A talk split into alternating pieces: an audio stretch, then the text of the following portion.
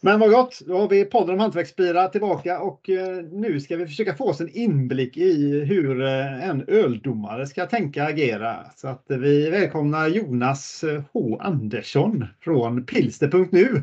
Mm, tack så mycket. Jättekul att, att, få vara med. Jag tänkte nästan på att säga jättekul att komma fram, men det, det, det ska man inte säga. Det är inte, det är inte Ulf Elving här. Vet du. Nej, det, jag får inte önska en skiva. Alltså. Nej, okej, ja, jag förstår. Men du, eh, mellanbokstaven H, vad står den för? Mm. Är det något du vågar avslöja? Den har hängt med länge. Eh, det är faktiskt som så att när jag gick i första klass en gång i tiden så fanns det en kille som hette Jan Arosell i, i klassen, alltså JA. Och eh, jag hette ju då Jonas Andersson JA och på den tiden så skrev man bara in signalerna på alla papper. Det var alltså första klass på grundskolan. Så vår lärarinna sa att ni ska skriva in er andra bokstav så att jag kan skilja mellan era inlämningspapper. Jaha. Och sen dess har det där H tänkt med alltså. Och sen, sen när jag då kom, eh, det blev mycket förkortning JHA eh, som en mm. förkortning, de tre bokstäverna.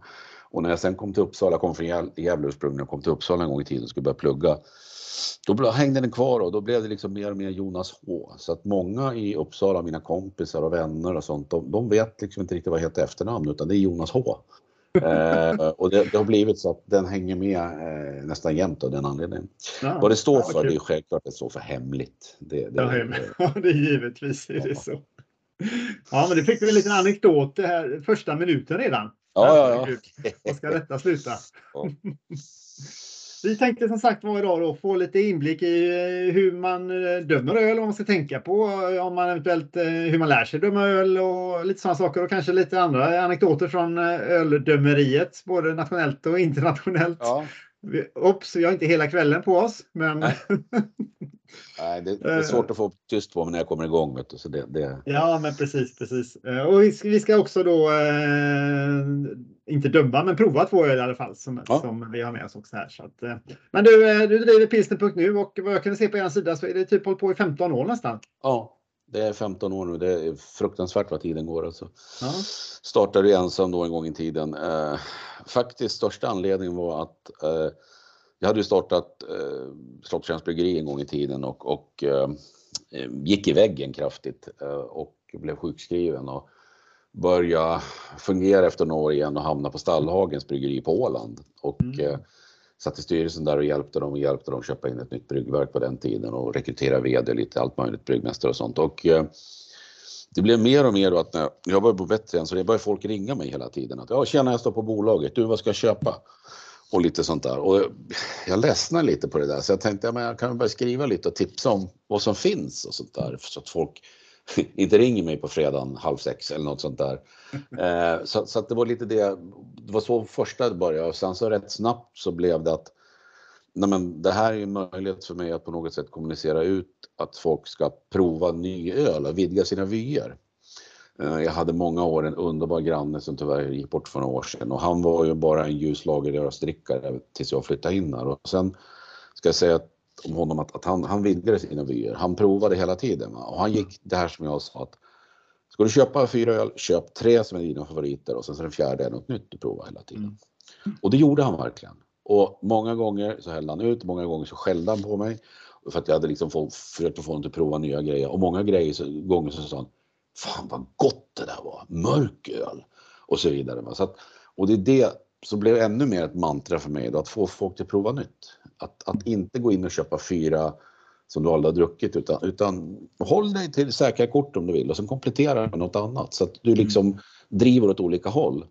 Och på samma sätt då som, som att man eh, en gång i tiden så började jag också titta i vinrecensioner och sånt när folk skrev om vin och försökte mm.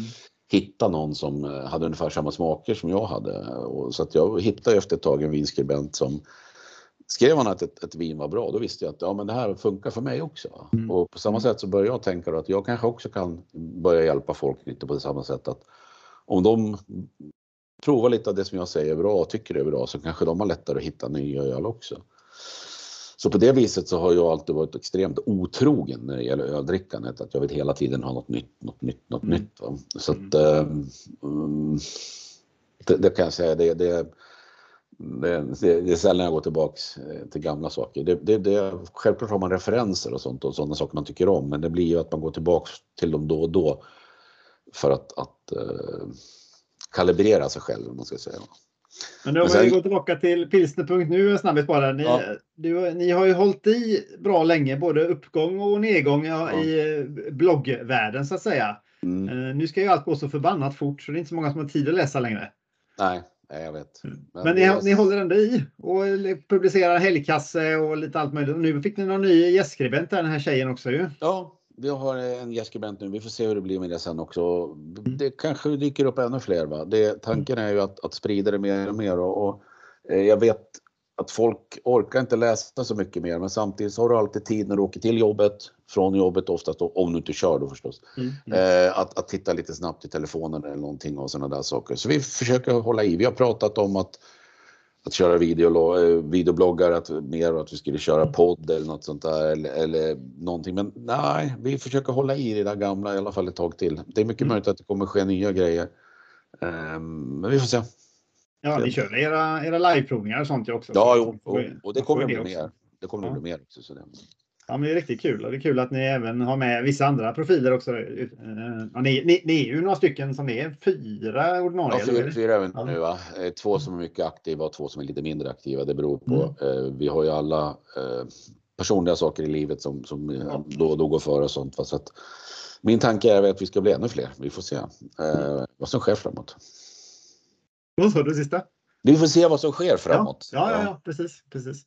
Ja, ja, det är underbart. Men du, ska vi eh, börja fundera lite grann på det här med öldomare? Du har ju varit öldomare hiskeligt länge då. Ja, inte så länge aktivt. Jag har inte åkt runt så mycket. Eh, jag har ju haft fullt upp med andra saker. Jag har haft fullt upp med pilsner och sånt. Men sen så mm. för en fyra, fem år sedan så började det bli lite mer och då så mm. träffade jag på lite folk och sen så pratade lite med dem och sen så började det med att jag blev inbjuden till, till Belgien och döma en öltävling där. Mm. Jag är ju en hel del nere i Belgien och har lärt känna en hel del eh, bryggare där nere och, och folk mm. inom ölvärld där nere och på många ställen. Och det var någon som hade tipsat om att jag kunde vara en bra person att få in. Eh, man ville ha något utifrån, man ville ha någon exklusivt som, eller ja, exklusivt som är svensk som inte är så vanligt då. Va? Det är inte så många mm. svenskar som åker. Va? Så så fick jag första inbjudan till, till Belgien, eh, till Bryssel Beer Challenge och sen så rullade det på. Att varje tävling gav en ny inbjudan i stort sett. Att, eh, uppenbart måste jag ha gjort något rätt som sagt. Så att, eh, ehm, man fick mer och mer inbjudningar så att man fick börja tacka nej för att man orkar inte ha ett vanligt jobb och sköta också. Va? Så att man kan inte åka hur mycket som helst. Va? Så det, just nu är jag tyvärr grounded lite för att jag har eh, problem med ett eh, jag har massa blodproppar i ett ben som inte ger med sig så jag får inte flyga mer än två, två och en halv timme så att jag är lite lite grounded just nu så att man mm. kör mycket på hemmaplan nu så det har varit hemskt lugnt i år av den anledningen. Så det, mm. så att, det men det är, det, är, det är roligt att komma ut sådär. Det är roligt att komma ut och döma och träffa folk och sånt och sen så se nya nya delar av världen också. Jag har ju en, mm. en stående inbjudan till Brasilien så fort jag kan börja flyga igen och en till Sydam äh, Sydafrika så fort ja. jag kan börja flyga. Och eh, så jag måste få ordning på det här så att jag kan be mig vägen nästa år. Så, så det... Men du, du berättade innan vi drog igång här att du, att du, du har ingen eh, utbildning som öldomare egentligen. Nej, jag har ju inte... När jag började med öl, jag började med öl 84. Eh, då började jag jobba på Preppan som du säger. På gamla hederliga Prips eh, där jag började montera fatölsanläggningar. Jag skulle vara där åtta veckor och blev kvar tio år. Um, sen så gick jag ju vidare till uh, Coca-Cola Cold Drink då när de startade i Sverige och uh, höll på att montera läskanläggningar och anledningen till det var att jag hade blivit inplacerad i ett projekt uh, där vi skulle starta Slottsjölans bryggeri i Uppsala. Så att jag ville vara lite mer opartisk och gå in i läskbranschen men ändå tjäna lite mm. pengar ett tag. Och sen drog vi igång det och sen så gick jag iväg och blev eh, sjukskriven ett tag och sen så hamnade jag på Stallhagen på Åland och sånt. Så jag har hållit på med öl sen 84. Men jag har inte någon formell öldomarutbildning för det fanns inte på den tiden. Och eh, ja, det har rullat på ändå så att säga. Men det är ju som så att vi som är lite äldre som åker i Europa och världen också, det är många av oss som inte har någon domarutbildning utan vi har hållit på så länge och kan det där i alla fall att vi inte har någon eh, Ja, det har blivit så när, när det är igång och rullar och man kan saken så känns det inte som man behöver sätta sig i skolbänken igen utan det, jag har ju pluggat annat, jag har ju pluggat så kallad VSET alltså inom vin. Så jag har ju pluggat i Grythyttan, en massa mm. Eh, dryck och vin där och jag har pluggat whisky i Skottland och, och lite sånt där. Så att jag har pluggat dryck men inte just en öldomarutbildning. Är det de som är utbildade och ni som inte är utbildade? Är, är det någon liksom, någon, kommer man överens liksom eller tycker ja, ja. de som utbildar sig tycker inte att det är, ja, vi är bättre för vi är utbildade liksom eller något sånt där? Det finns väl sånt också, men det, det brukar inte vara något större problem utan det är, det är mycket trevligt och på en bra nivå och det är ju som så att bara för att du har en utbildning ibland så är det inte säkert att du kan saken bättre. Jag har väl provat mycket mer öl än många andra som utbildar om du förstår vad jag menar. Så mm. det är väl jättebra en utbildning i botten. Det är ett snabbare sätt att nå någonstans än gå långa vägen som, som mm. vi äldre har gjort. Men, men eh, det är sällan det är något sånt. Det som det kan vara det är ju att man dömer ut eh, efter vissa kriterier och eh, det kan vara lite diskussioner där när man, när man är ute och åker vilka kriterier det är som ska gälla och där kan det bli lite diskussioner då, vad, inom olika klasser och sånt. Mm. Ehm, mm. Vad som egentligen är rätt och fel på, mm. på en öl. Uh, och det är väl i så fall där att, att mycket i, i vissa delar av världen så gillar man inte den amerikanska standarden man kör efter på amerikanska domarutbildningen och, och eh, om du kommer Vissa länder har en egen och då måste man liksom när man kommer dit måste man titta vad är det de säger om det här, vad är det för skillnader och sånt. Va? Eh, tyskarna kör lite annorlunda på vissa grejer. Det är ju um, fantastiskt roligt att döma i Tyskland men också otroligt svårt i och med att det är så extremt bra kvalitet på många produkter där på de ljusa ölen. Så det är ju verkligen svårt och men roligt som sagt Men så att det, det, är mest sånt att det uppstår diskussioner om vilken vilken, vad ska vi ställa det efter? Va? Därför att det har blivit så att förr fanns det ju inte riktigt de här kriterierna och kraven heller. Va? Så att, nu för tiden på de flesta, flesta tävlingar som döms så att du börjar med att tala om vilken, man vet ju ingenting när man kommer in till bordet utan du sätter dig vid ett tomt bord med några stycken och sen så mm. Um, är du en som är uh, bordsledare så att säga som då lyfter på ett kort i stort sett och säger att ja, vi har fått den här klassen nu. Och så berättar han vad det är för att vi ska döma och sen säger han är alla bekväma i den här klassen? Eh, definitionen vi ska döma efter idag är det här. Och sen mm. så finns det uppskrivet och så ja, har man lyssnat på det och så tänker man ja, det är som vanligt ungefär. Um, och sen så kommer glasen in, sen är det lite olika från tävling till tävling hur det kommer in. Va? Men eh, de flesta så kommer in ett gäng glas så att man har någonstans mellan 6 och 10 stycken som man tar sig igenom då och, mm. och noterar. Och sånt. Men hur är det för du säger precis när han läser upp kriterierna, liksom, hur ofta är det som de kriterierna inte överensstämmer med, med kanske dina egna preferenser?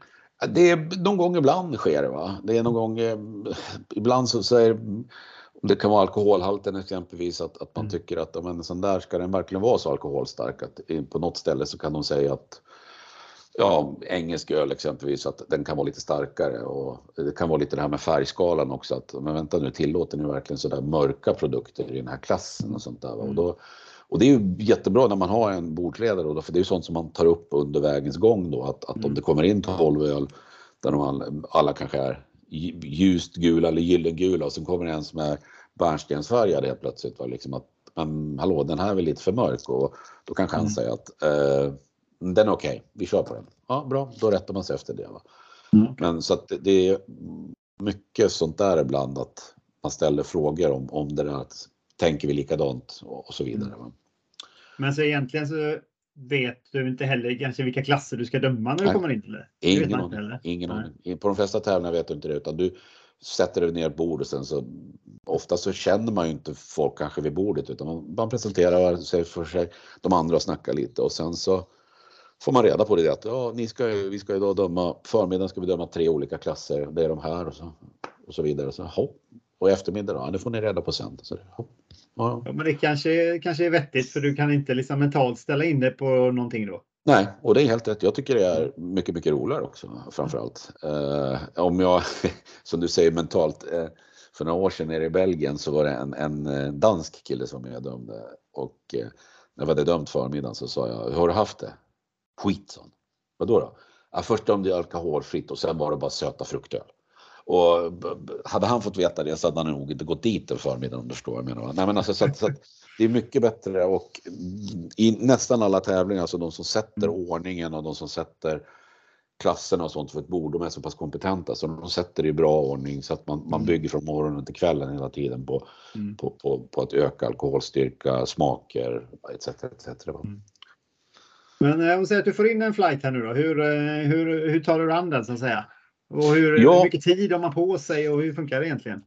Det är lite olika också från olika tävlingar. Jag är ju på Systembolaget mycket och dömer, eller inte dömer, förlåt mig, utan provar. Mm. Och på Systembolaget har man extremt ont om tid när man provar ölen. Ehm, du kan ha en 3-4 timmar och det kan vara 150-200 öl. Och då har du inte så många minuter på varje öl du ska ha tid. Va? Du ska skölja glas och hämta själv.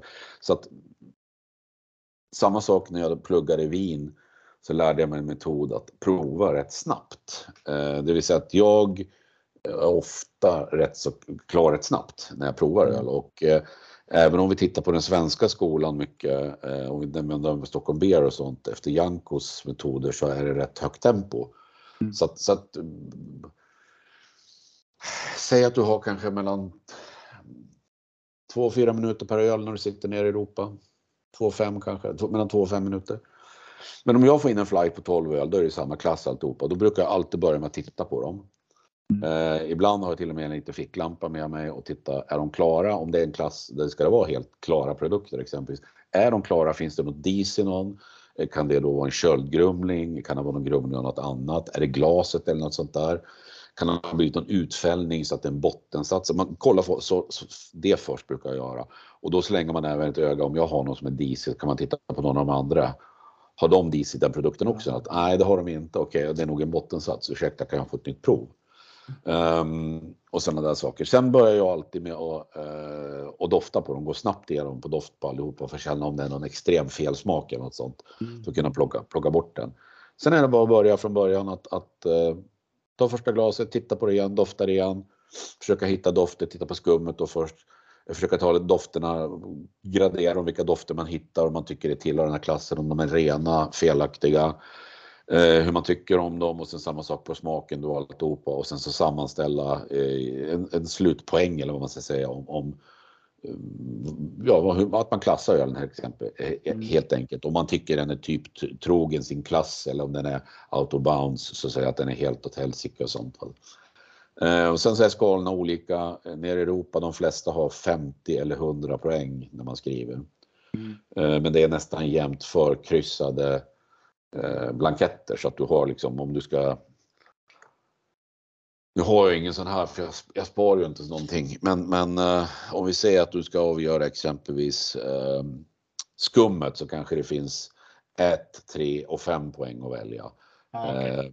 eh, om du ska avgöra eh, doften, om den är typ trogen, hur, hur stark den är och sånt så kanske det finns 2, 4, 6 och något sånt där. Så mm. det finns på de flesta har förgjort så att det kan bli max en poäng va? och sen så kan man då snabbt räkna ihop det och se var, man hamnar ungefär. Va? Hur svårt är det? Hur lätt är det att sätta sina egna preferenser åt sidan för vad man själv tycker om och inte tycker om? Jobbigt. Jobbigt. Jag tänker mig det. Ja, framförallt det här när man sitter och dömer en öl som man absolut någon klass som man verkligen inte ogillar, men en klass som är långt ifrån en favorit och ändå ska man mm. liksom plocka då liksom att den här är perfekt gjord. Va? Men, men jag tycker den är inte dålig men så tråkig exempelvis. Och det är mm. svårt att peta undan. Det finns mm. faktiskt eh, vad var det för någon tävling? Det kommer jag inte ihåg nu. Men det var någon jag dömde i där man kunde, där det fanns en rad också vad man själv tyckte. Där man kunde gradera, vad tyckte du om den här? Eh, det kan ha varit i Lyon, men jag är inte säker. Men, men det, det var liksom det här att åh, jag får tycka till själv lite också. Det, det, det har sin charm det också. Och det beror på lite vad, vad de är ute efter så att säga. När, när de, alla har ju olika idéer med sina tävlingar så att säga, hur de, mm. vad de vill plocka fram. Och hur de det blir har... lite som, lite som eh, typ Eurovision, är, folkets val eller något sånt där. Ja, ja, det är lite sådär att, att ska man döma krig då liksom, åh, så börjar man kryssa att jag gillar den och sen så börjar man döma den ungefär. Så det, ja. det, det, kan vara lite så. Så, så det, det tycker jag är, är svårt. Va? Och så mm. vissa klasser är ju lätta, lättare och vissa klasser är ju svårare att döma självklart. Va? Att mm. döma en ljus lageröl som är låghumlad. Det är ju rätt bökigt för det är ju inte så stor mm. skillnad mellan dem. På samma sätt som att det är jättebökigt ibland att döma kraftiga diper eh, med mm. extremt mycket humlighet för du blir så avtrubbad så då får man nästan köra igenom det ett andra varv när man har blivit lite trubbad först att man liksom eh, på något sätt trubbar ner humligheten lite så att man, man, man, inte, annars kommer man tycka att de första är så extremt humliga och sen så klingar det av mer och mer när man har så bråttom så att säga. Så då brukar man ofta gå tillbaka till den första igen för att kolla igen. Men som du säger där då att eh, om du kör många humli, humliga så klart att det påverkar dig. Men får alla domarna dem i samma ordning alltid? Ja. ja. Så att eh, de som kommer sent, om de är lika humliga som de i början så kanske inte de upplevs lika humliga. Men... Nej, och det är därför jag menar, det är därför det är viktigt att gå tillbaka och kolla ja. därför att, att det förändras ju så mycket. Och det är därför man också det är viktigt hur du placerar klassen också under dagen. Mm. För det, Även om du sköljer munnen, dricker vatten, käkar för att hålla rent och sånt så ändras ju paletten. Du blir ju mm. trött i munnen så att säga. Mm. Speciellt om du håller på med mycket humliga saker. Det är samma sak mm. som på bolaget och provar att, att är det mycket iper och diper och sånt så du är så trött i munnen alltså så att du, du, du, du vill liksom äta något helt annat som är något totalt annat. Du vill ha någon annan smak för att få bort den här humligheten som liksom inte släpper. Om man ska säga. Men nu, eh, jag gissar att det finns någon form av eh, referenser som du säger då. Det här ska, så här ska vi döma idag. Är det, är det europeisk och amerikansk stil eller är det mer lokala eh, regler som gäller? Eller smak, smakregler som gäller? Liksom? Nej, du har ju eh, det finns ju de som har i Sverige som håller i det. De har de svenska reglerna och de är rätt lika de amerikanska. Annars är de amerikanska som är, som är de stora. Men det som har blivit lite liv i världen nu, det är att många tycker att Eh, det här är ett gäng amerikaner som har satt de här reglerna. Det här stämmer inte på, om man säger, mm, lite nya eller nygamla ölstilar som dyker upp. Att det ska vara liksom exempelvis, um, nu vet jag inte om det är så, men om vi säger exempelvis den finska sachtin, den här traditionella eh, brygden de har där, att det är några amerikaner som ska sätta och säga att så här ska den tala om. Så här, tala om att så här ska den vara. Och det är väl det en del framförallt i i delar av Europa tycker att det är, och även i Sydamerika, att ni ska inte komma och tala om hur våra produkter ska smaka. Det är vi som ska smaka och, och berätta hur de ska vara. Och där är det väl lite irritationsmoment just nu och det kommer ju sig av att eh, världen blir mindre och mindre hela tiden. Ehm, du kan åka till, de säger att om jag åker till Brasilien så kommer jag, jag såg nu i år, den som jag inte kunde åka på så var det över 4000 öl som tävlade. Och att om de, de 4000 så kommer över 3000 öl hört talas om eller provat någon gång eller känner till massor av stilar som inte finns och sånt. Va? Och då är det ju då att någon har fått tag på någon och provat och den kanske inte är precis typtrogen för den stilen. Medan om man pratar belgare, där är det mycket lättare att säga att det här, så här ska de vara för det är ju så pass funnits så länge och varit så spritt så länge för oss uppe i Europa och sånt. Va? Så det, det är väl lite det de bråkar om klassifikationen. Va? Men det, det är ingen det är inget större problem utan det, jag tycker att bråka på om ni vill utan det som jag rättar mig efter det är den som, som är table leader på tävlingen. Alltså så här är jag osäker på någonting, om det är någon helt ny klass eller någonting så snälla berätta för mig. Vad är det för något? Vad ska jag tänka? Vad ska jag leta efter? Vad är det som jag aldrig upplevt någon gång? Som första gången jag stötte på en, en, en uh, Katarina Kettelsau från Sydamerika på en tävling på ett bord. Jag sa, vad är det här? Och då liksom var det en kille från Kanada som är otroligt duktig som berättade, ah, eh, har ni andra stött på det? Nej, det är ingen som har stött på det. Och då fick mm. han liksom berätta, är den här klassen så här så här. Och den var liksom mitt i en massa andra öl. Den var riktigt inskickad. Men den var liksom en katt bland harmelinerna i den klassen för att det var helt annorlunda mot alla andra där. Va? Så att det var också intressant och då, då, blir ju när det blir så, ja då ska det bli en ny klass till och så blir det en ny klass till och det blir så mm. otroligt mycket klasser att döma. Ja, så att det, men så att jag, jag har du en bra table leader som, som talar om liksom att, att det är det här vi dömer efter nu, då, då kan man rätta sig efter det tycker jag. Va? Jag är van att rätta mig på det sättet att ställa in liksom att det är det här som gäller nu. Det måste ändå vara svårt för bryggerier. För jag förstår att du säger att ja, men, det ska inte komma några från en annan kontinent och bedöma hur våra öl ska smaka. Samtidigt är det många som vill skicka sina öl till tävlingar på andra kontinenter för att sprida sitt eh, brand och så liksom också. Ja. Då kanske de får en bedömning som de själva inte tycker är rättvis. Nej, det kan vara så. Och ja. speciellt är ju det när det är eh, produkter som är lite annorlunda om man säger så. Att om du skickar en, en ljus belgisk ale exempelvis som du har bryggd i Sydamerika så ska ju den vara ungefär som alla andra. Va? Men om du, mm. jag var överdomd i London på, på eh, World Beer Awards och eh, där var det en del asiatiska eh, öl. Jag eh, vet inte varför, jag vet bara att de var asiatiska som var otroligt konstiga. Som, som liksom eh, ja, som, som liksom, där man kände att den här är inte i rätt klass. Va? Men då var det någon som tyckte att ja, men det kan vara det här och det här. Och, så.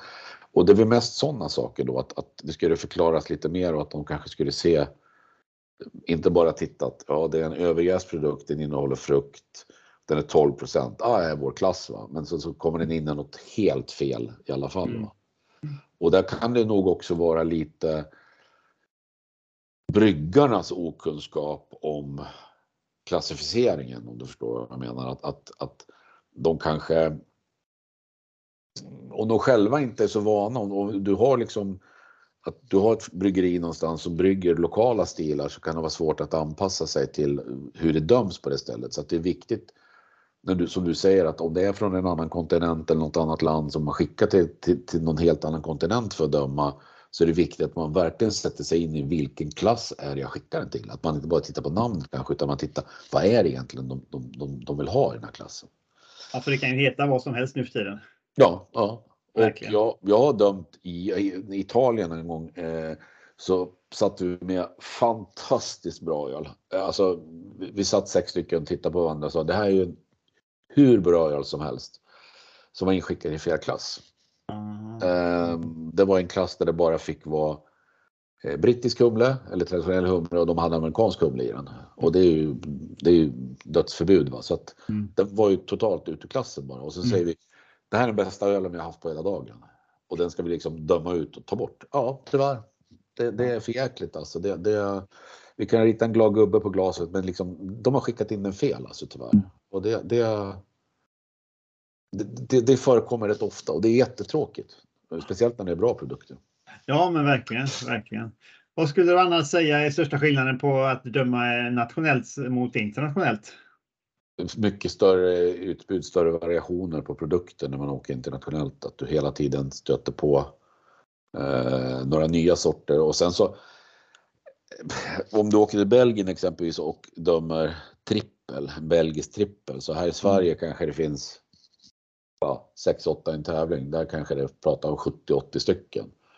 Och då, så det är en mångfald i vissa, på olika stilar i olika länder. Va? Utefter vad som är populärt. Ehm, jag var dömd i Finland exempelvis. De hade ju lite andra produkter, en liten annan stil där. De hade, var ju inte alls inne på så mycket suröl exempelvis i Finland, så det fanns ju nästan inte där. Och samma sak pastry stout var det med en i tävlingen bara och, och sånt där. Då. Så, så det är ju det att de var ju liksom helt så här, åh, är det här som är pastry stout? Frågade de mig. Ja, och det är häftigt, jättehäftigt. Så, här, så, att, så, så det är ju roligt också när man kommer ut. Sen så en annan grej som egentligen är det roligaste, det är att man träffar folk från hela världen och utbyter erfarenheter.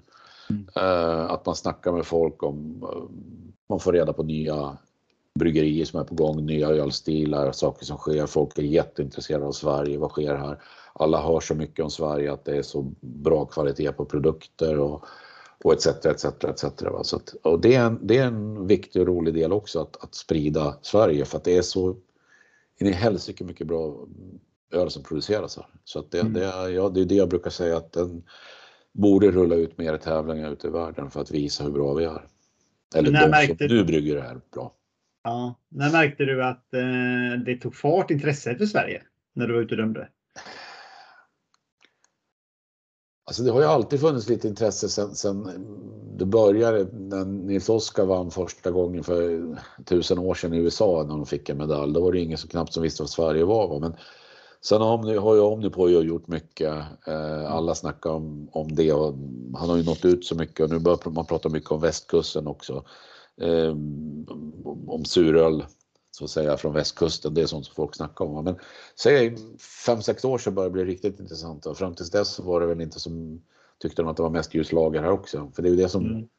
Det har inte varit någonting som har nått ut liksom. Och sen så har vi alltid problemet att när det når ut så vet man inte hur det når ut riktigt. Det vill säga hur har produkten kommit dit den har? Är det någon som har köpt den i Sverige, haft den i en ryggsäck där de har tågluffat två månader i solen, värmen. Alltså så att det kan ju vara så också att när de har provat svenska produkter ibland så kanske de är i ett dåligt skick. Ja, ja men visst är det så.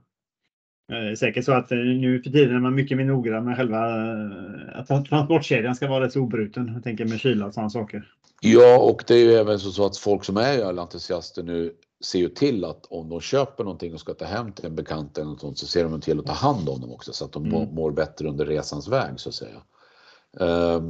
Så, så att uh, det är mycket som har förändrats där i och med att man har så mycket öl som rör sig runt omkring i världen nu så att den har blivit bättre den som rör sig runt också. Det, det, mm.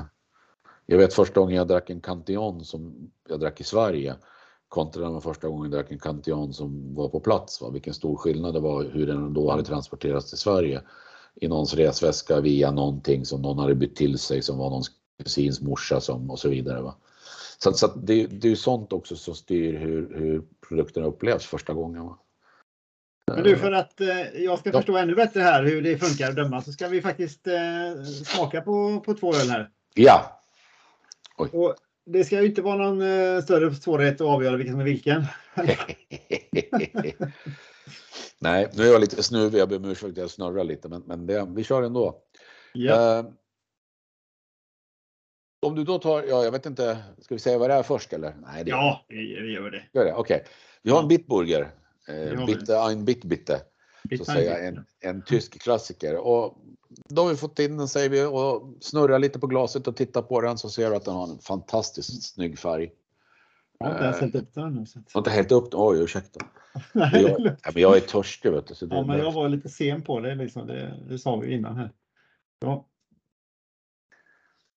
så ja. Du ser vilken härlig färg den har. En, en härlig gyllen gul färg. Och man ser att den är helt klar eh, och snygg i, i, sin färg också. Och eh, titta lite på skummet, ser att det är ett småbubbligt snyggt skum som, som hänger kvar ett bra tag. Eh, lite beroende hur du har hällt upp den självklart, va? Men, men det är ett bra skum helt enkelt. Mm. Som är snyggt det också. Va? Och vi snurrar lite på glaset så doftar vi på det. Och så, ja, vad känner du? Nu är jag som är elak, du ska inte vara sån. Jo, men alltså man känner en tydlig maltsötma. Ja, du har en kraftig maltsötma den här. Mm. Eh, typisk, som jag säger, det här tyska som, som gör att jag känner på en gång att, att äh, jag vill ta en stor klunk av det här och liksom bara njuta. Men det ska vi inte göra nu, nu ska vi prata istället. Utan du har här maltsötman, du känner även att det finns en, en liten humlighet i den. Som finns där i bakgrunden. Det kanske man gör, ja. Ja, den är ju tyvärr mindre på Bitburger nu för tiden än vad den var förr. Men, men fortfarande så har du en, en, en, en lätt humlighet. En som jag mm. brukar säga doftar lite instängd. Um, det är det som jag brukar säga med de här klassiska humlesorterna. Att det känns lite källar, en, en källare som har varit stängd lite. Sen mm. liten, liten lätt unkenhet. Alltså inte negativt utan att lite instängt och fuktigt och sådär. Mm. Det är mm. oftast tycker jag ädelhumle när man hittar det. Mm. Men du, är det, föredrar du korta doftsniffar eller en, en lång? Nej, jag kör korta. Jag kör mm. båda näsborrarna också för jag har olika doft i näsborrarna. Så, mm. har jag upptäckt. Ehm, det, framförallt om vi pratar en sån doft som diacetyl eh, som finns mycket i, tjeckisk, i vissa tjeckiska pilsner och sånt så känner jag bara det är en av näsborrarna. Eh, har jag märkt. Ehm, det, hur, hur, kom du på det första gången? Jo, därför att jag satt och doftade på den med ena näsborren bara och så, så konstaterade jag att det inte var någon diacetyl i den. Så pratade vi lite så här och så tog jag upp den igen och doftade och så märkte jag att det var det. Och så, men vänta nu, är det någon som har bytt glas? vad är det som har skett? Och då märkte jag att jag hade olika eh, dofter på näsborrarna. På samma sätt som jag har märkt att jag har olika färg om jag tittar med ögonen också. Att jag har Jaha. uppfattat grönt lite olika med ögonen. Men det är väl jag som är felkopplad kanske. Jag vet inte. Men, men, men ähm, ja, i alla fall. Men en, en snygg, sötaktig maltighet känner man. En mm. riktigt bra maltkropp. Typiskt tyskt. tyskt. Så tar vi en liten mm. klunk av det så jag vad vi tycker. Ja, det gör vi. Gott. Nu är det så här att Ja, men det är gott. Mm. Det här är en gammal favorit bland mig, för mig exempelvis. Um, dömer du i Sverige, provar på Systembolaget så spottar du allting. Mm. Mm. Eh, svensk alkohollag gör att du måste spotta. Spottar du inte på Systembolaget provar jag som blir utkastad. Eh, I Belgien måste du svälja. Alltså. Om du inte sväljer så i stort sett blir du utkastad. Eh, många andra länder kan du göra lite hur du vill om du vill eh, spotta eller, eller svälja. Va? Det som jag brukar säga är att det viktigaste är att vara konsekvent, det vill säga att om du har en provning du ska göra, gör samma sak på alla produkter. Mm. Därför att sista slutbäskan känner du så, så långt ner i halsen så att mm. om du inte spottar på alla då så kan du inte jämföra mot varandra på rätt sätt. Men i alla fall, den här kände vi då sötmantigheten också och vi känner ju en rätt hård humlighet. Den är, mm. den är liksom, den är inte så rund utan den är ju rätt, drar det metalliska och är liksom lite hård och sitter uppe i gommen rätt långt bak. Och så lite, kantig lite. nästan på något sätt. Ja. Förlåt? Ja, lite kantig nästan på något ja, sätt. Ja, ja. Mm. Ehm, och, och, jag föredrar ju en sån som mer fyller upp på ett helt sätt. Men jag tycker det är en jättebra öl. Jättebra matöl och sånt där också. Det är en traditionell britt så att säga. Även för då tysk såklart. Ehm, men, men eh, ja, det, det, är lite så och sen så då skulle man bedömt liksom hur stark väskan är, hur mycket romen i väskan finns det, hur mycket väska finns det i romen och sen finns det några andra dofter du känner och sånt etc. etc. Men det här är ju rätt lätt öl att döma om du förstår vad jag menar. Vad, uh, men en bra öl tycker jag. Jag har alltid gillat den alltså. Ja, bra matöl också. En riktig klassiker. Ja. Det är det faktiskt. Surkål och grisknä till den här är helt okej. Okay. Ett grisknä gör man ju ofta hemma. Ja, Ja, faktiskt. Förlåt, jag ska inte få att skratta när du dricker. Nej, det är helt okej. Okay. Så det, det är eh, faktiskt så, och, om man säger fläsklägg och sånt där, det är jättegott mm. att koka det i belgisk ljus ale. Mm. Fantastiskt gott. Eh, mm. Mm. Du får in en jättehärlig sötma och kryddighet i det hela som är supergott faktiskt. Hur, hur väl anser du att den här är stiltypisk om vi säger liksom tysk eh, ljuspilsner? Jo, det är den den är ju en makroprodukt känner man ju liksom på humligheten lite att, att um, den är rätt hård och metallisk som du säger. Skulle den vara gjord på ett lite mindre bryggeri skulle den antagligen vara lite rundare i smaken och ha en lite mjukare humlighet och sånt där. Mm.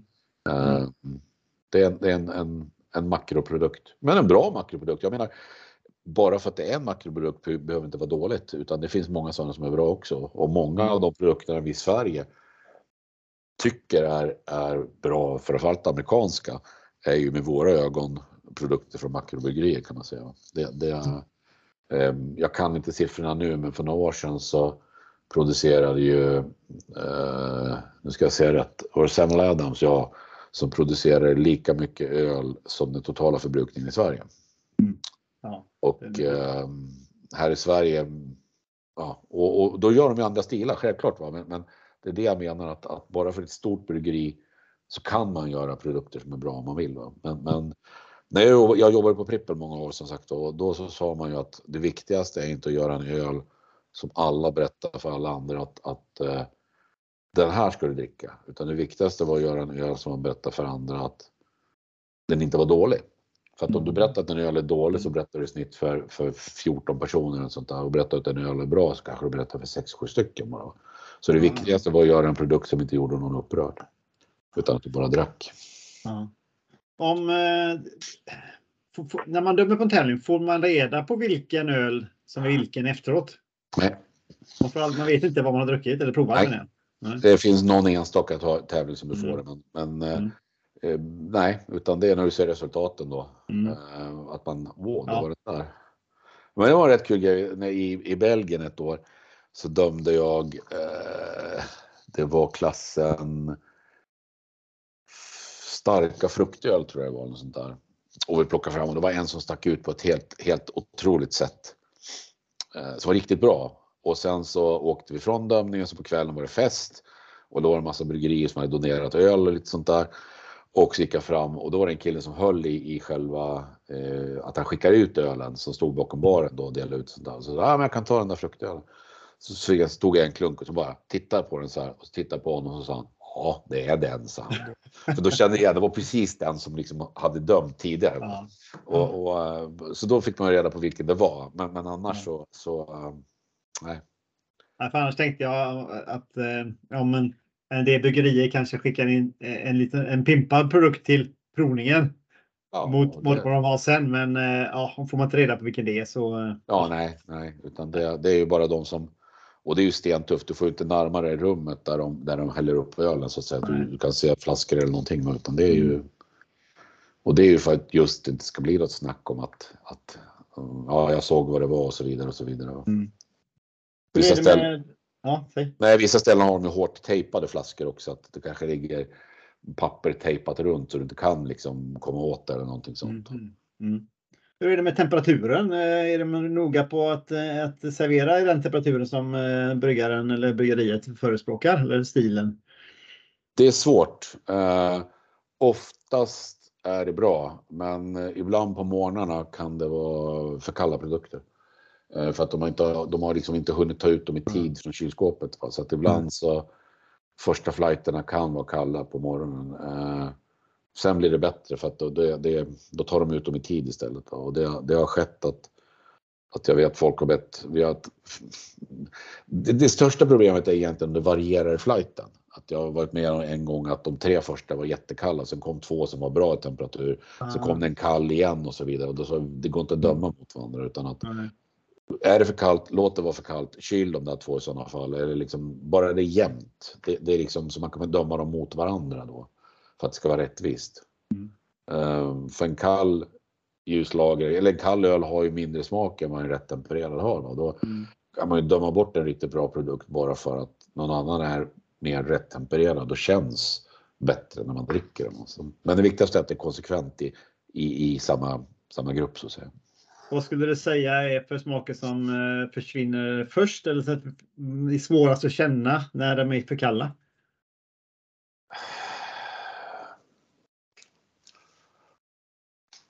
Det är svårt att känna ibland bredden på en humlighet. Alltså en humlighet kan bli hemskt hård och platt om det är kallt. Om vi har en mm. ljuslager som är för kall, som är välhumlad mm. så kan det bli eh, Det kan bli som att du får eh, en, en, en käftsmäll men på fel sätt. Alltså du, du, du får en, en, en smakprofil som är mycket, mycket mindre och tunnare än om den är varmare. Va? Och blir den för varm då blir det ju en, en jolmig, eh, riktigt otäck smakprofil som, som liksom eh, blir helt fel. Det är ett fåtal öl som man kan dricka vid alla temperaturer som jag brukar säga. Mm. Att det, oftast har man en, en, en mitttemperatur där, där den produkten eller den stilen funkar bra. Den som har den bredaste smakprofilen i så fall det är väl egentligen om man tittar på lite mörkare öl eller något sånt där som man kan njuta av från lite för kall till vad den ska vara och faktiskt ända till rumstempererad en del av produkterna. Mm. Där den förändras hela tiden och en sån öl är jätterolig att dricka under en längre tid för att den, där kan ju varje klunk förändra smakbilden för dig om, om, om du inte dricker allt på en gång. Va? Till det positiva. Medan om du sitter med en, en TT eller någonting sånt och den blir för varm, då är det inte så roligt utan det blir liksom bara sötjormigt totalt på en gång. Då, va? Men bäskan, en hel del kryddighet, en hel del gästsmaker försvinner ju också i kylan när det är för kallt.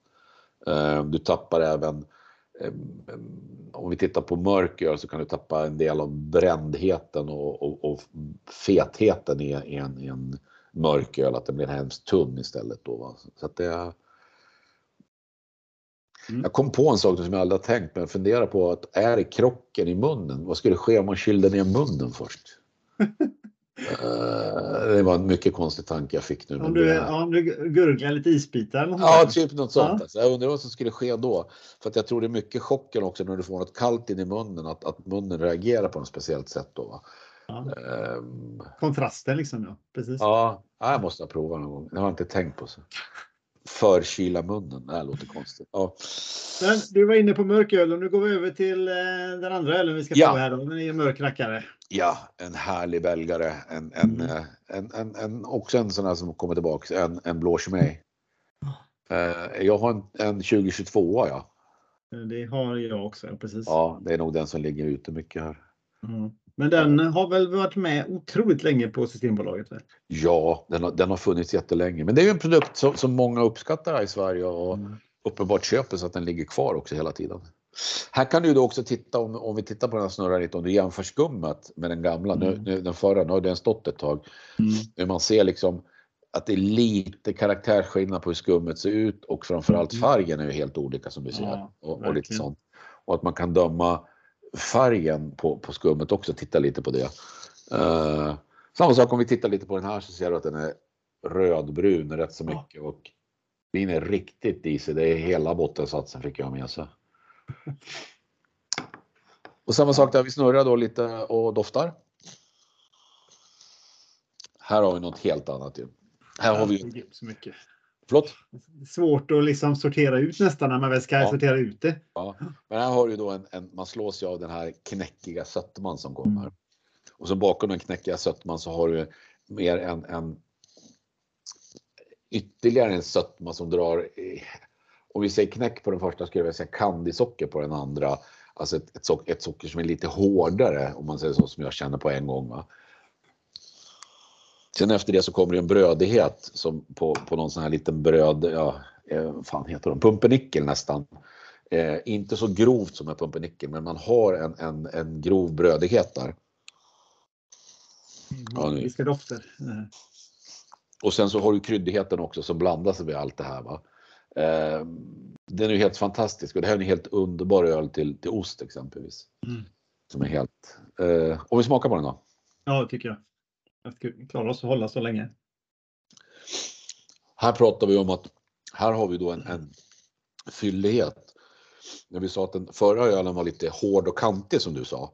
Mm. Så har vi här en fethet som fyller ut hela munnen och liksom bara det, det är som att ta ett vackert blått moln från himlen och stoppa in i munnen. Liksom. Det bara fyller upp, det är bara fluffigt, det är bara gott, det är bara underbart.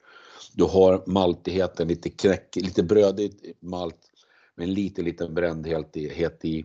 Du har den här sockersaken, du har en kryddighet som finns där också. Det här är en sån här öl som gör att man bara vill ta en klunk till. Mm.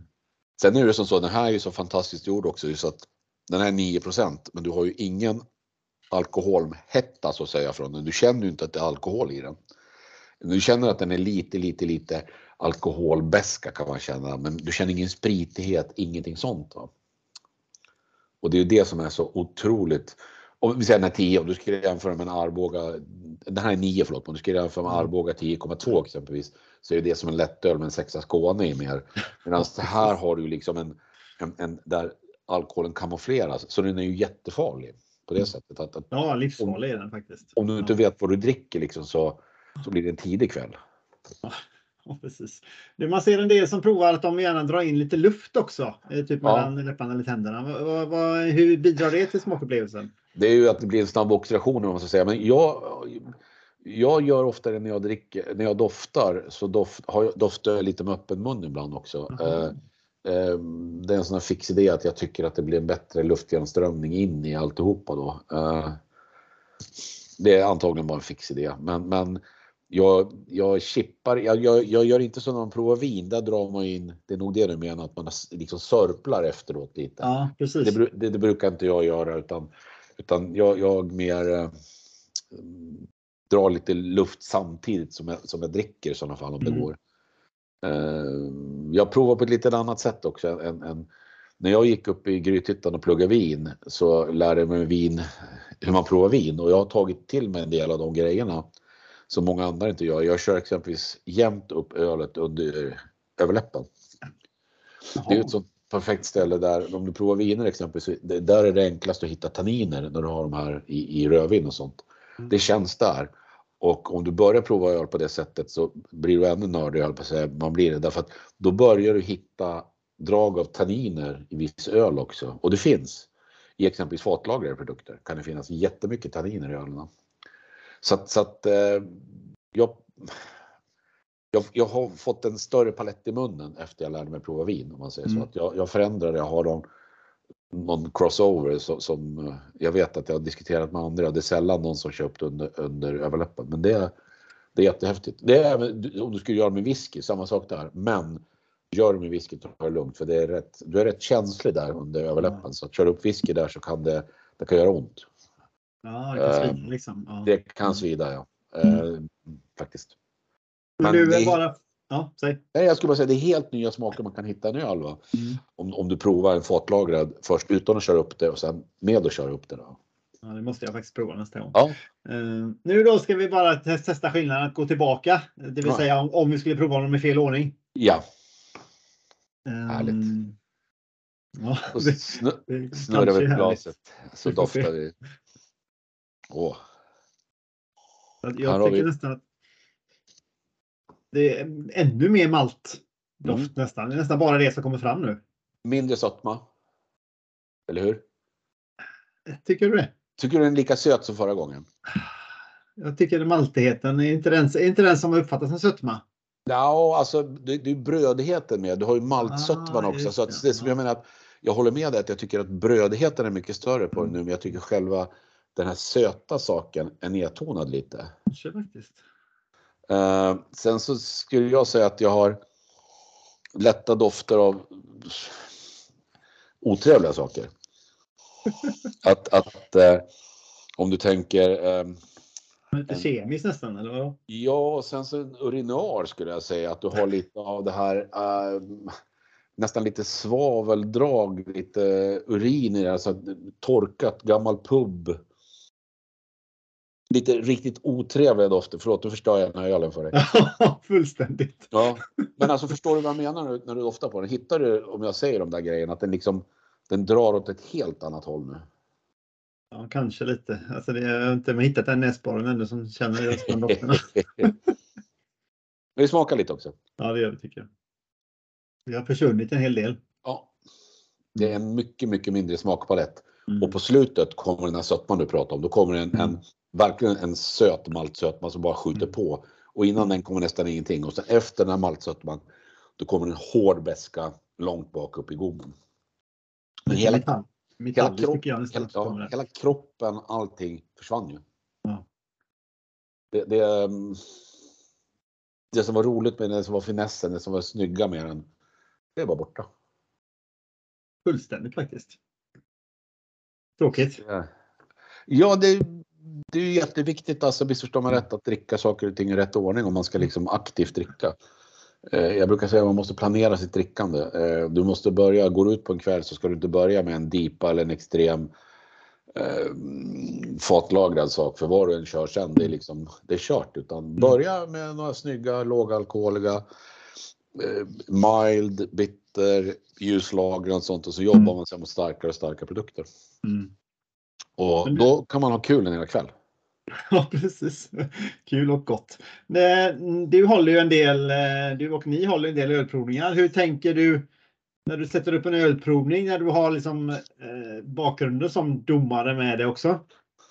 Ja, alltså om vi ska köra en provning så det, det eh, sanningens namn så, så det är oftast Mauro som sätter vilka produkter det ska vara numera eller sätter vi två eller tre var. Men annars ordningen det är ju att gå från ljusare, alkoholsvagare mot mörkare, alkoholstarkare.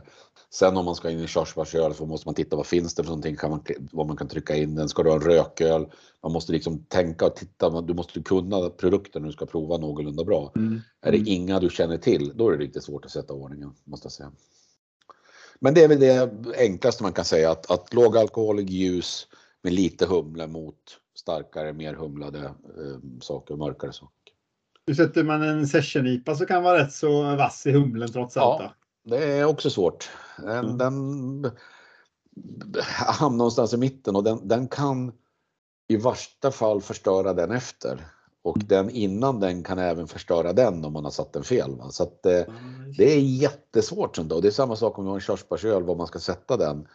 Eh, om du har en extrem eh, dipa eller någonting sånt mitt i, var ska man sätta den? Ska du gå efter alkoholhalten? Ska du gå efter humligheten? Eh, vågar man sätta den före en, en mörk alkoholstark? Ska man sätta den efter? När man tar bort lite av kroppen men humligheten stannar kvar. Men sätter du den innan den mörka så är belgaren så kan och så vidare och så vidare. Så mm. Det är jättesvårt och ibland så blir det, ibland blir det fel mm. faktiskt. Men det är samma sak där. Det är, det är ju det bästa är att prova att man. Det låter konstigt, men om du kan produkten, ju mer du kan en öl eller kan produkten, desto lättare är det att sätta ordningen på, på saker, att du, mm. du, har dem. Så att prova, prova, prova, prova, prova hela tiden, hitta nya produkter, prova. Och um, försöka komma ihåg vad det är man har. Jag har ju ett extremt bra um, smakminne och, och, sånt så att jag kan ju liksom ibland dricka någonting och så kan jag ju säga liksom att ja, men det, här, det här känner jag igen, det här måste vara och så vidare och så vidare. Men, men det, men det är bara prova, prova, prova och vidga vyerna hela tiden och, och, försöka hitta nya saker och lära sig hur de är. Um, jag kan tänka mig att det hade varit kul att blindprova lite mer hemma. Uh, på ett sätt hade det varit kul. Lärorikt tror jag i alla fall. Ja, Lärorikt tror jag. Det, det, det är nyttigt och det är det är en bra sak. Man lär sig mycket utifrån det faktiskt mm. och blir prova otroligt mycket. Mm. Ja, spännande. Jag tänkte också det just det här med klasserna, för jag tänker att öltävlingar som kanske är lite mindre då som den eh, som jag ska besöka uppe i Uppsala. Där ja. får man nästan liksom klumpa ihop vissa klasser. Och ja. då blir det ju ännu svårare att få liksom, vad är ja. referensölen för den här klassen? Ja, det är jättesvårt. Och det är det som, som eh, det blir mer en tävling av hur bra produkterna är utifrån eh, ens eget eh, Alltså det är jättesvårt att döma dem mot varandra. Så att mm. vad, vi, vad vi är jättekul att komma upp hit och, och döma. Men, men, grejen är den att det blir lättare att, att man får titta på att, att ställa dem vad man själv tycker vilken är mest är bäst gjord och vilken har bäst smak när man klumpar det på det viset. Va? Mm. Vilket inte är helt fel heller. Det blir någon sån här semiprofessionell folkets val eller vad man ska säga i alla mm. fall då som du mm. ställer mot varandra. Men det är, det är ju jättesvårt, speciellt när man ska göra sådana här best in show där du kan ha liksom 12 stycken och alla 12 är olika klasser. Vem är bäst? Och det är också sådär att då, då, måste man liksom gå in och plocka på andra saker och det, det ja. är egentligen svårare än om du har samma genomgående. För samma genomgående är det lättare att jämföra mot varandra också ja. och plocka fram den som är, är, som du tycker är bäst. Men alltså om man då har olika stilar, vad är bäst av en barley wine och en stark eh, belgare exempelvis? Ja, nu vet jag inte om det kommer i samma, va? men alltså bara som exempel att, att det är mm. jättesvårt om man ställer sådana mot mm. varandra. Mm. Mm. Ja, men du den här kemin, alltså den, är, den står sig alltid. Ja, och den är ännu bättre på storflaska faktiskt. Ja, faktiskt. Eh, men hur mycket tycker du att den utvecklas över tid? Mycket. Eh, jag måste säga att på liten flaska så är den rätt stabil. På storflaska så utvecklas det mycket över tiden. Det blir mycket rundare och mjukare. Mm. Eh, det finns ju en liten, liten hårdhet i den här 22 nu som vi dricker. Att det är lite hård beska i den, men den är nästan helt avrundad sedan. Jag tycker det är godare, men, men det är en smaksak. Men den är ju ypperlig som sagt, jag tjatar om det, men lite goda ost. Eh, mm. lite senap och doppar i kanske, en sån där, lite syltlök till. Det, det är kärlek alltså. Det, det är så gott. Du och din senap. Ja, jag och min senap alltså. Folk är tokiga på det, men när de väl provar det sen alltså, så inser de att ah, men det är gott. Alltså. Det, det är, det, det, det är en, en det är en krydda som går jäkligt bra med öl faktiskt. Mm. Man tror inte det, men det är, det är samma sak när jag är i Belgien en gång såg någon som satt och åt gröna vindruvor till öl. Jag tänkte, vad håller de på med? Och jag var tvungen att prova och insåg att till vissa belgiska öl så är det jättegott med gröna söta druvor. Det är alltså, det är så häftiga smakkombinationer mm. man kan hitta sånt där alltså. Ja, verkligen. Jag lyssnade på eh, Poppels hade en, en provning, jag tror det var i fredags. Jag lyssnade på den i efterhand på Youtube. Och ja. Där provade de just då, eh, ja, givetvis de olika Poppelsöler, men då hade de ju gurka, de hade surt godis, de hade en, en rätt så schysst lagrad hårdost och, och, och något mer också. Provade mm. de alla sina, det var väl någon form av hasty tema där, IPA, eh, med de olika. Och vissa passade jättebra, vissa passade fruktansvärt dåligt. Mm. Ja. Mm. En annan sak som man ska liksom ha sån här smakkombination, det är ju att ta en, en körsbärsöl. Eh, någon, om man nu vill ha en sur eller en sötare och sånt. Mm. Och så lakrits till det. Det blir nästan sådana här hallonskallar, hallonlakritsskallar, ja, ja, ja. godis. Man förstör ju ölen egentligen, men det, det är löjligt gott ibland. Liksom. Men där får man prova sig fram, alltså inte för salt då, utan lite sötare lakrits kanske. Sådär. Men så kan man hitta en, mm. och det kan liksom vara så gott att sitta och dricka körsbärsöl och äta lakrits till också. Och det, men det, ja, det är häftigt tycker jag med sådana smakkombinationer. Man hittar något som är fel egentligen men som funkar så bra. Alltså. Ja, det gäller bara att våga prova liksom. Ja, det gäller. Och det blir ofta fel kan man säga. Men, men rätt vad det är så hittar man något som är riktigt bra. Va? Mm. Men det är ju som jag har ju jättesvårt exempelvis att äta chips till öl. Det går liksom inte för mig. Jag får aldrig mm. ihop en chips till öl. Det går inte. Alltså det, jag tycker det är fel på alla sätt och vis. Jag kan, det, det, det, eventuellt vanliga enkla potatischips kan funka till någon öl. Annars tycker jag bara ställer till det och förstör smaker och allting. Så. Och det tänker många ändå är som äter eh, chips och dricker öl lite ja. varje helg. Ja, liksom. jag vet. Och ändå så, så, tycker jag då att det är ja. jättedålig kombination. Mm. Och det finns så mycket bättre saker. Godare saker framförallt. Eh, nämnde jag ost och senap? Det gjorde jag. Ja, just det. Jag tror faktiskt det. det, och, och, det är det jag menar, att våga liksom prova lite grejer. Det kommer bli fel, men man kan hitta jättegoda grejer. Mm. Som exempelvis ostkrokar och rödvin, det är också jättegott ihop. Eh, det, det, mm. Jag drack ju här, förra helgen var jag ute och åkte borta en helg med hustrun och då och misstag så råkade jag dricka champagne och äta Ahlgrens bilar till och det var supergott. Till den champagne. Ja, hur gott som helst.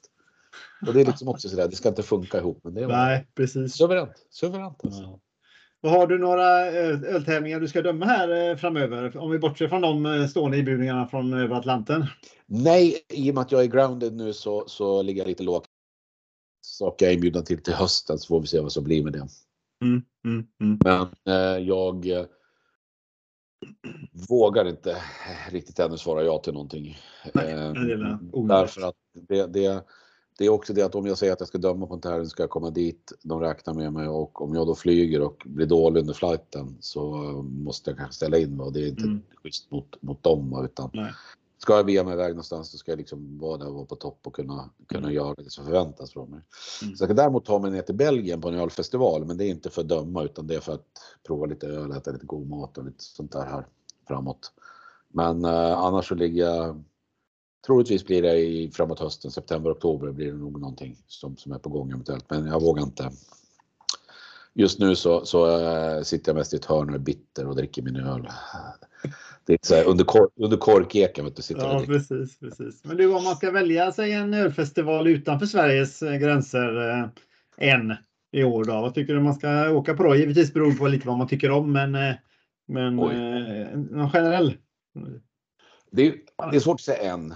Jag kan säga någon okay, festival som är riktigt bra. Du har ju Mikkelers i Köpenhamn som är mm. lysande. Mm. Du har ju en som jag kommer att åka på i början på juni i Brygge i Belgien som är helt fantastisk. En, en, en belgisk ölfestival med bara belgisk öl. Du har en eh, riktigt bra i Tyskland som jag inte vet när den går. I Berlin tror jag det eller München. Eh, oklart. Men mm. som är en riktigt stor bra festival också. Det är väl mm. de som ligga i Europa som jag skulle säga som är väl värda att åka på.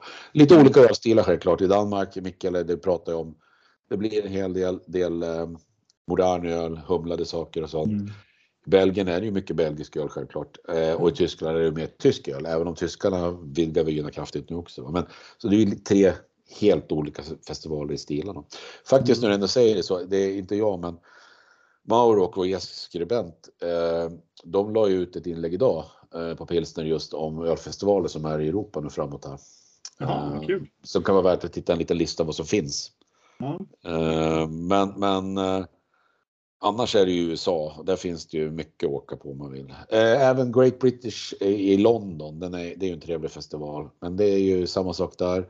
Du bör vara lite in mot brittisk ölstil då överhuvudtaget. Ja. Alltså man får liksom nischa sig lite vad man, vad man vill prova. Jo, men det är väl vettigt. Alltså, det går inte att prova allting. Det märkte man bara när man åker ner till Malmö på GSPF. Liksom. Ja. Det går inte att prova allt. Liksom, Nej. Du, Nej. Nej. Och det är också samma sak där, när du går på en festival så är det ju viktigt att du försöker prova saker och ting, att du inte springer runt som, som en ko som är på kosläpp, va? att man liksom bara skuttar runt överallt och ska dricka allting, mm. utan att man försöker planera lite och kanske inte dricka upp allting du får i glaset, utan kanske spotta eller hälla ut och så, så tänka att du går från lite lättare grejer mot kraftigare och mm. kraftigare. För då blir det mycket bättre för dig själv också. Du får en bättre upplevelse då. Och orkar längre förhoppningsvis. Ja precis, jo, man vill ju uppleva de olika ölen på, på rätt sätt. Annars ja. är det liksom ingen vits med att åka på festivalen. Nej, nej. nej. utan det blir liksom bara att du rusar in och sen så går du på Barrel Age Stout och så drar du tre stycken 17 procentare och sen så är det liksom är det, äter du en hamburgare och sen så du, sitter du med ett fånigt leende och är nöjd. Och det är liksom, det är också en form av, av charm kanske, men, men ja, det blir en kanske. kort festival. Va? Så att, det är billigare att gå på lokala syltan hemma och göra det. Liksom. Ja, kanske det är. Va? Så, så att, eh, men, men, men, ja. Har du något mer som är värt att säga om öldömeriet? Egentligen. Gå gärna en kurs. Ehm, mm. Det anordnas. Tycker du om öl, tycker det är intressant, gör det. Det är jätteroligt att döma. Man har träffat jättemycket roligt folk, man har kul ihop. Mm. Eh, du får en annan förståelse för öl också när du är tvungen att pressa bort vad du själv tycker är gott ibland och måste titta på kvalitet. Eh, det är lika roligt som det är lika frustrerande. Är det. Eh, och man blir, man blir lite konstig när man dömer en hel dag och sen ska man gå ut med, med andra kompisar och domarkollegor och, och dricka någonting. Då är man lite konstig, man blir kinkig samtidigt som man tycker att man försöker koppla bort det. Och det var en, en, en god vän i Holland, en, en domare som heter Jan Ober, som när vi satt nere i Rimini och jag gnällde att det bara fanns Heineken på fat där vi hamnade. Och han mm. tittade på mig och sa Don't think, just drink. och det är väl någonting man ska ta till sig om man har dömt så mycket en dag. Att då hade vi liksom, då hade vi fritid.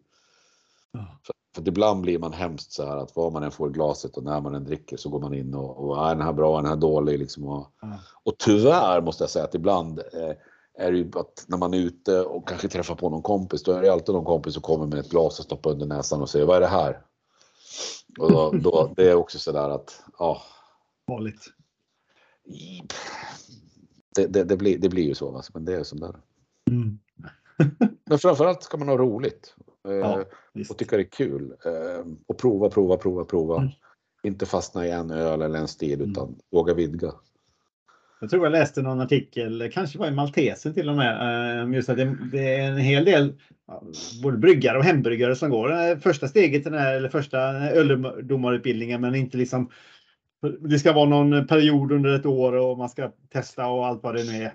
Men bara gör det för att lära sig själv om smaker och sånt. Ja, och eh, något som är eh, nu kommer du upp till Uppsala och ska döma på Uppsala BR och mm. jag kommer att börja hela dömningen där med att jag ska köra en liten provning med er mm. andra domare där jag ska visa på felsmaker. Så vi kommer gå igenom fem av de vanligaste felsmakerna innan vi börjar döma och där borde ibland lite elakt säga att det borde vara som så att en del bryggare borde kanske bli bättre på felsmaker. Ehm, det är mycket öl man stöter på, inte bara i Sverige utan alla länder, som har tydliga felsmaker. Um, ehm, och det är lite trist ibland. Uh, det kan vara en öl som man ser har potential men som har en liten, liten felsmak på något sätt och om de skulle få bort den så skulle det kunna bli en jättebra öl som skulle sälja jättebra. Men ibland så kanske inte